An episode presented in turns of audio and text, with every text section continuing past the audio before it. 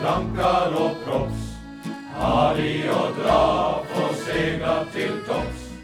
Vinden er stødig og skuta skal gå, stolt over bølja blå. Det knaker i taljer og Vår ære og vår makt har vide oss brakt, skrev Bjørnstjerne Bjørnson i 1868. Det var ikke uten grunn. For 150 år siden var Norge verdens tredje største sjøfartsnasjon, og Sørlandet var landets seilskutesentrum. Kyststripa fra Risør til Lillesand var landets viktigste distrikt for skipsbygging, og Arendal var Norges største sjøfartsby. I podkasten De hvite seil, historier fra Sørlandets siste seilskutetid, vil du få høre ramsalte historier om mennesker, skip og økonomisk vekst og fall.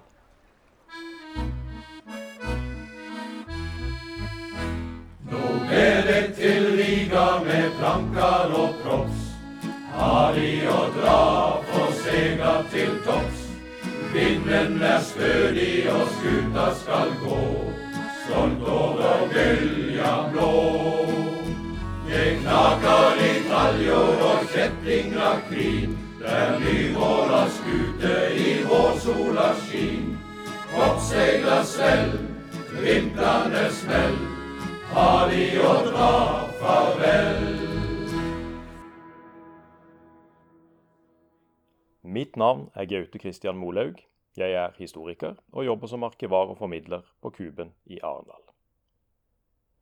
På Kuben finnes hundrevis av arkiver knyttet til seilskutetiden, og i 2018 ble noen av dem innlemmet i Norges dokumentav, et register over de viktigste dokumentene og arkivene i norsk historie. Seilskutearkivene inneholder tusenvis av historier, og i denne podkasten, De hvite seil, historier fra Sørlandets siste seilskutetid, vil du få høre flere av dem. Denne episoden skal hovedsakelig handle om skipsrederne.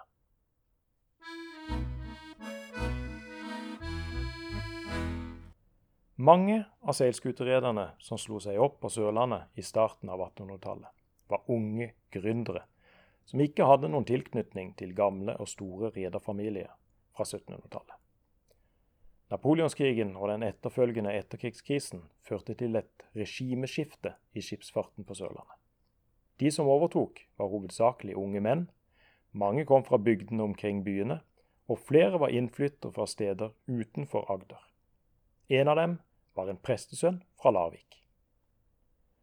I 1801 ble Lauritz Christian Stefansen født i Kjølling ved Larvik. Faren var prest, men Stefansen fulgte ikke i farens fotspor og dro til sjøs allerede før han ble konfirmert. I 1827 giftet han seg med Marianne Jørgensen, og i samme periode som han stiftet familie, ble han kaptein på seilskuten Lovisa. En brigg eid av eidsvollmann og jernverkseier Jakob Aall. Etter flere år på havet hadde Stefansen spart opp nok penger til å investere i sin egen skute. I 1832 kjøpte han briggen Bordeaux Parkett, og året etter forlot han sjømannslivet. Stefansen slo seg ned i Arendal, der han anla skipsvert og utvidet rederivirksomheten. I 1837 satte han Bordeaux Parkett inn i en fast rute mellom Bordeaux og New Orleans. Ofte besto lasten av tekstiler, vin og andre luksusvarer fra Europa til Amerika, mens returlasten besto av bomull fra sørstatene. Stefansen var den første rederen i Arendal som startet opp denne typen linjefart over Atlanterhavet med seilskip. Men Stefansen ble også en pioner på andre måter.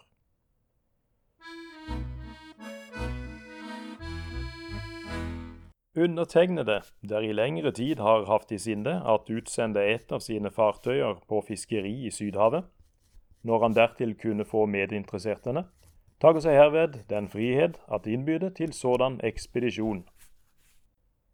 Slik begynner innbydelsen til det som regnes som Norges første hvalfangstekspedisjon i Stillehavet. Innbydelsen er datert 20.6.1843, og den er signert Christian Stefansen. Bakgrunnen for Stefansens interesse for hvalfangst var et møte med en dansk kaptein noen år tidligere. Den 28. august 1841 måtte det danske hvalfangstskipet Concordia, ledet av kaptein Thomas Sødring, søke ly i Arendal.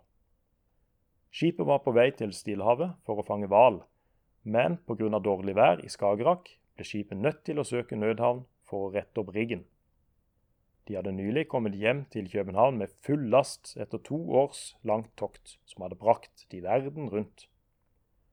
Concordia-ekspedisjonen var danskenes første hvalfangstekspedisjon til sydligere strøk. Og toktet hadde gitt mersmak for reierne.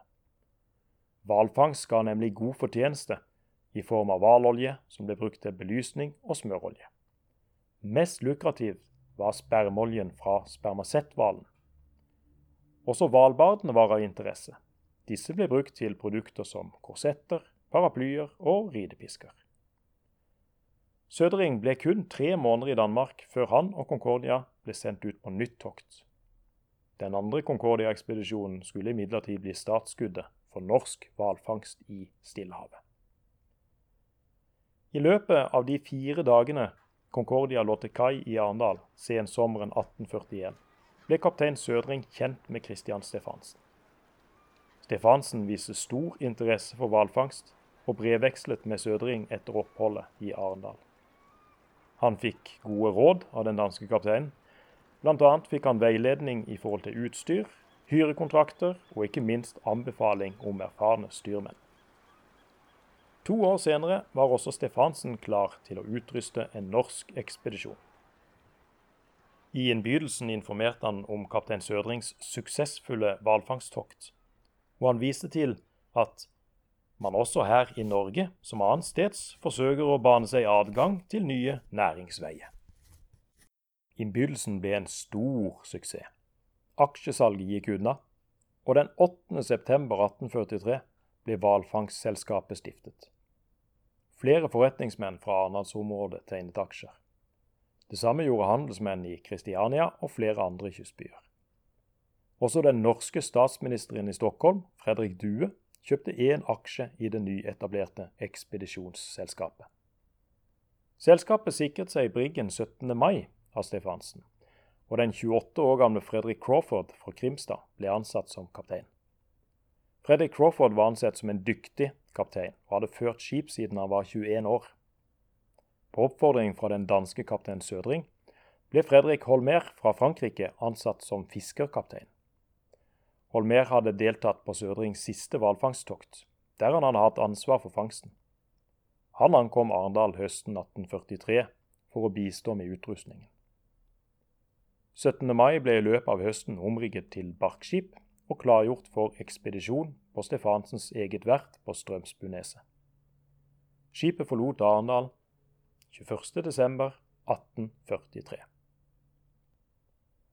Men i motsetning til den danske ekspedisjonen ble den norske en gedigen fiasko.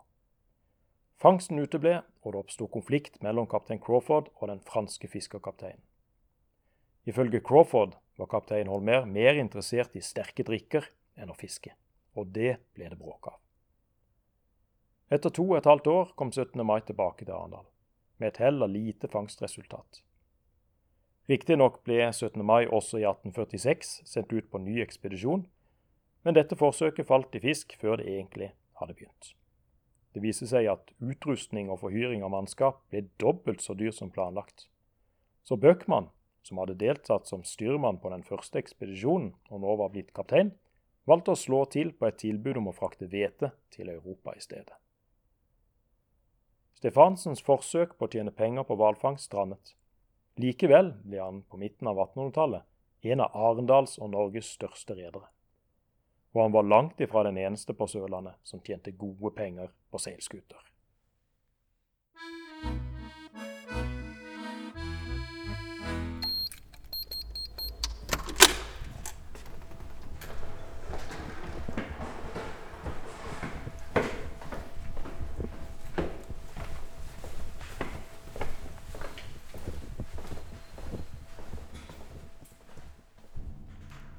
Nå står vi nede i et av Kubens arkivmagasiner, og her står jeg sammen med depotsjef og arkivar Yngve Sjustad Christensen.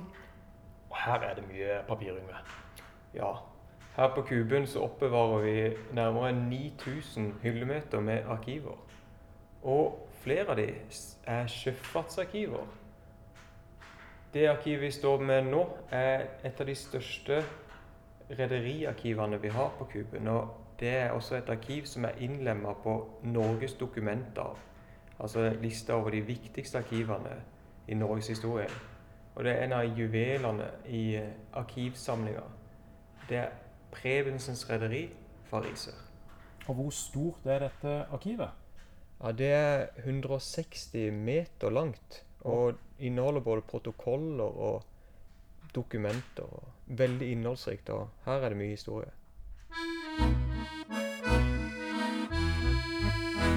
Prebensen rederi ble stiftet av Jakob Vetlesen Prebensen, og på midten av 1800-tallet var også dette et av Norges største rederier. Prebensen kom også fra Lavik, men til forskjell fra Stefansen i Arendal begynte ikke Prebensen sin karriere som sjømann. Prebensen startet opp med handelsvirksomhet i 1833. Virksomheten utviklet seg etter hvert til et stort handelshus, som drev med et stort mangfold av ulike forretninger, deriblant mølledrift, skogdrift, sagbruk, trelasthandel, skipshandel, skipsvert og skipsfart. Og I dette arkivet er mye av disse virksomhetene dokumentert. Ja, her finner du mange avtrykk fra fortida. Bl.a. denne kassaboka fra Kjødvig Iskompani. Du vet, Trellast var en viktig eksportartikkel for Prebensens rederi. Men på slutten av 1800-tallet så kunne han også tjene penger på å eksportere blokker med naturis. Og i denne kassaboka da finner vi spor etter den virksomheten. I desember 1886 lettet barken Gyller anker fra Kjødvik i Søndeledd. Skuta skulle til sydlige strøk, nærmere bestemt Alger i Nord-Afrika. Lasten var uvanlig sett med dagens øyne. Gyller var nemlig lastet med 480 tonn isblokker, skåret ut av et lokalt tjern i Søndeledd. Produksjonen av naturis var en av de store norske eksportartiklene i perioden 1850 til 1914. Hovedkundene var Storbritannia og land på det europeiske kontinentet. I en tid uten elektriske kjøleskap ble isen brukt til nedkjøling av mat i husholdningene og i næringsmiddelindustrien.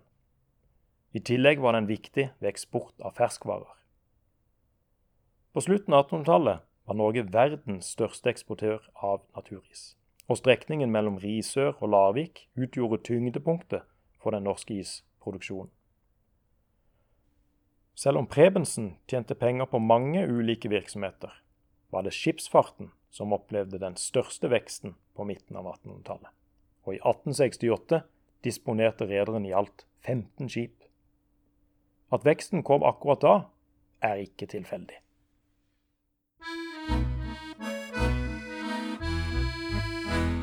Den sterke veksten i skipsfarten på Sørlandet skyldes både forhold ute i den store verden og forhold som var spesielle for Sørlandet. Bygging av seilskuter og skipsfart var næringer en hadde drevet med på Sørlandet i mange generasjoner. Kystlinjen i Agder var lang, med mange isfrie og lune havner.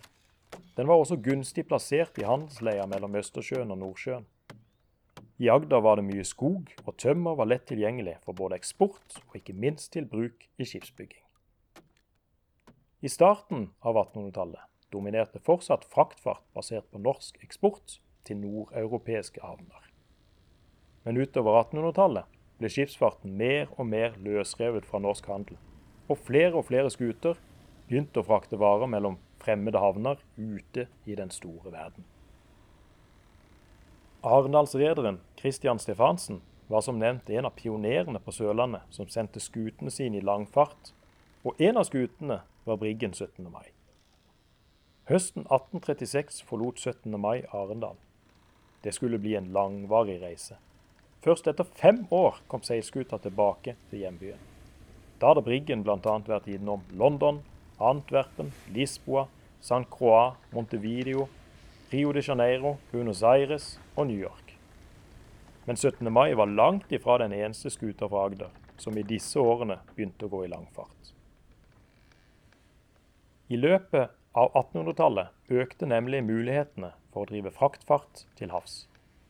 Befolkningsvekst, utvandring, industrialisering og ikke minst økonomisk liberalisme bidro til å øke den internasjonale handelen og behovet for handelsskip. Og det var spesielt én hendelse som virkelig skulle få fart på skipsfartseventyret i Norge og på Sørlandet. I 1849 ble den såkalte navigasjonsakten opphevet. Navigasjonsakten var en engelsk lov som forbød ikke-engelske skip å frakte varer fra de engelske koloniene. Videre fikk varer fra Europa til England kun lov til å fraktes av engelske skip eller skip som tilhørte det landet varen kom fra. Loven favoriserte med andre ord den engelske handelsflåten. Rundt 1800 var England en stormakt som dominerte verdens handel, og den engelske handelsflåten var verdens største. Opphevelsen av navigasjonsakten førte dermed til større muligheter for stater som Norge å delta i den internasjonale fraktfarten. Og på Sørlandet lå alt til rette for å utnytte de nye mulighetene. I Agder var den vanligste rederiformen det såkalte partrederiet. Når et skip ble bygget eller kjøpt, ble det delt inn i flere skipsparter. Skipspartene ga rett til en gitt andel av det skuta tjente inn, og en andel av skutas salgsverdi når den ble solgt. Ved et nybygg ble ofte skipsparter brukt som betaling for både skipstømmer og skipsbyggingstjenester. Dette gjorde det enklere å finansiere en seilskute. Rederiformen var derfor svært gunstig med tanke på de mulighetene skipsfarten fikk utover 1800-tallet. Rederiformen førte også til at flere næringer ble vevd inn i hverandre, og at det ikke kun var noen få redere som tjente penger på skipsfarteventyret.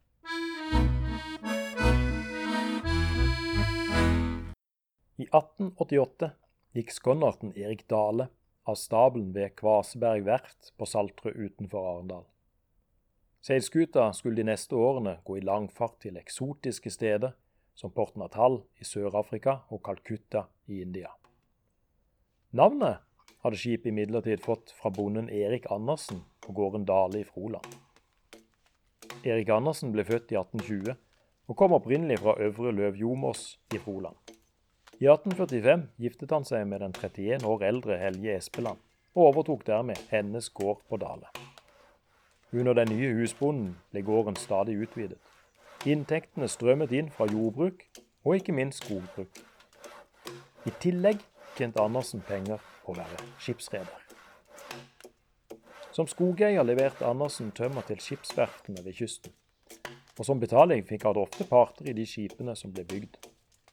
I 1888 hadde Andersen skipsparter til en verdi av 7000 kroner, men han var langt ifra den eneste. Historiker Jonny Østreim har undersøkt ligningskladdene til Froland kommune. Her har han funnet ut at i alt 14 frolendinger i 1875 var registrert som skipsredere. Toppåret kom i 1889. Dette året var det hele 40 såkalte bonderedere i Froland. Men deretter gikk antallet nedover, og i 1906 forsvant bonderederne ut av listene.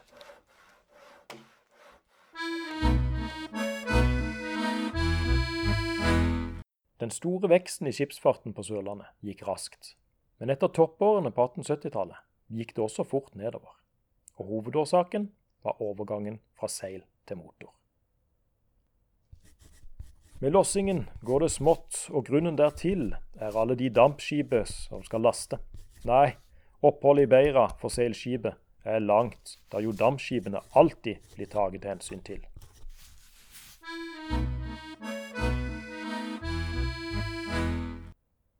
Slik beskriver kaptein Stian Terjesen sitt opphold i havnebyen Beira i Mosambik i 1896.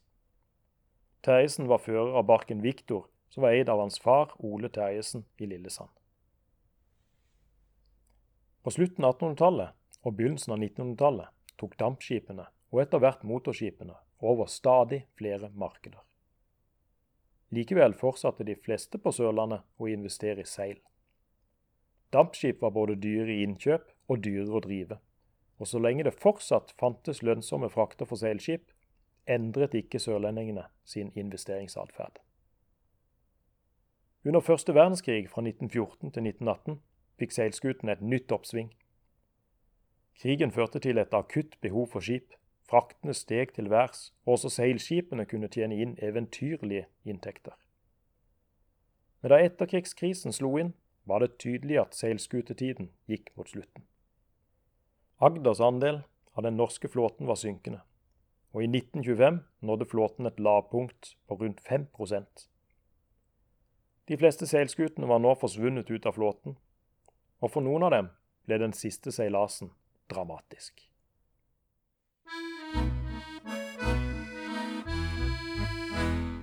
Den 19. november 1926 gikk fullriggeren Skaregrøm av Grimstad ut fra Halden. Skuta var lastet med planker destinert for Adelaide i Australia. Om bord var 24 sjøfolk samt kapteinens kone og datter på 11 år. Det skulle bli en tur de sent ville glemme. Skargrøm ble levert fra verftet A. Roger Company i Glasgow, Skottland, i 1903. Skuta var bygget av stål og var drøye 80 meter lang. Første kjøper var rederiet Bainan Shipping Company, som døpte skipet Castleton.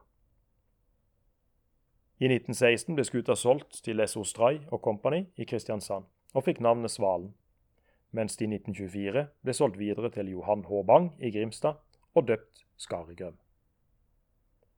Bang eide allerede seilskuta Dagny, og hadde tro på at også fullriggeren Skaregrøm skulle gi rederiet inntekter. I løpet av to år i Bangs eie hadde Skaregrøm gjennomført to reiser fra Europa til Australia. Høsten 1926 var skipet klar for sin tredje. Kaptein om bord var Peder Johannessen fra Frivoll i Grimstad. Hans sønn Samuel på 19 år var påmønstret som dekksgutt.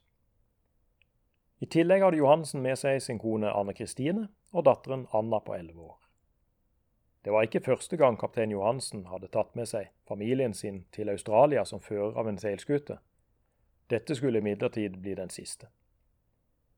Den 12. desember 1926 passerte skipet Kapp Finisterre på nordkysten av Spania.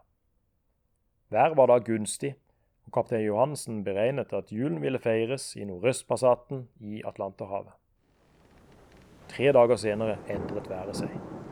Om kvelden den 15. desember 1926 møtte Skaregrøm på regnbyger med lyn og torden, og utpå natten økte vinden til orkanstyrke. Seilene ble blåst i filler, og mastene knakk.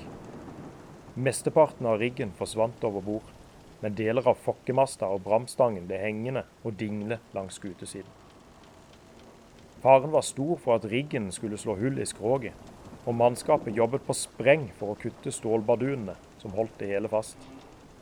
Med enkle verktøy og livet som innsats lykkes de, og riggen forsvant til bunns. Det samme gjorde hunden, grisen, juletreet og to av livbåtene. Men heldigvis var ingen av mannskapet blitt skadet. Faren var imidlertid ikke over. Skargrøm hadde pådratt seg slagside, og orkanen fortsatte å rase i flere dager kjempet skip og mannskap mot naturkreftene. 17.12.1926 fikk mannskapet se et skip nærme seg. Det var det italienske passasjerskipet Roma, som var på vei fra Amerika til Europa. Passasjerskipet ville gjerne tilby sin assistanse, men kaptein Johansen var usikker. De høye bølgene ville gjøre en redningsaksjon svært risikabel. Skargrøms ror og deler av riggen var dessuten intakt, og det ville være mulig å gjøre skuta seilbar når været rot seg.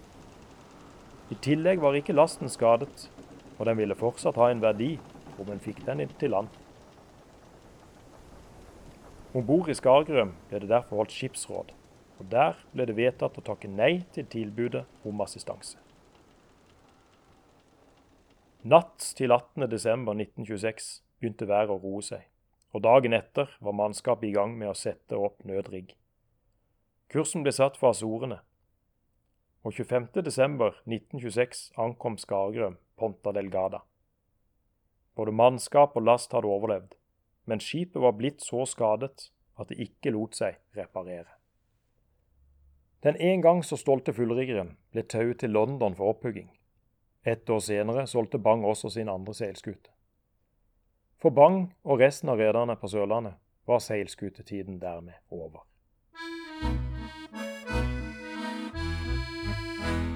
Du har nå hørt podkasten 'De hvite seil historier fra Sørlandets siste seilskutetid'.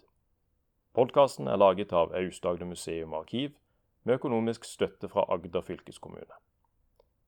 Produsent er Terje Ellefsen, og musikken er Sjømannsvise, fremført av sjømannskoret Hermanos. Nå ber det til Riga med plankar og props. De å dra for sega til topps. Vinden er stødig og skuta skal gå, stolt over bølja blå. Det knaker i taljor og kjettinger krin, der nyvåra skute i vårsola skin. Kroppssegler svell, vintrene smell, Ha de å dra farvel. Farvel, ja du jenta som vinka fra trapp. Takk for hvert kyss og takk for hvert klapp. Langt øst i Riga, den eldgamle stad, venter meg frem De står der i fjøra og kikk etter meg, men kyssa deg, de skal jeg tenkja på deg. For aldri skal ho få skilja oss to, så berre ta slik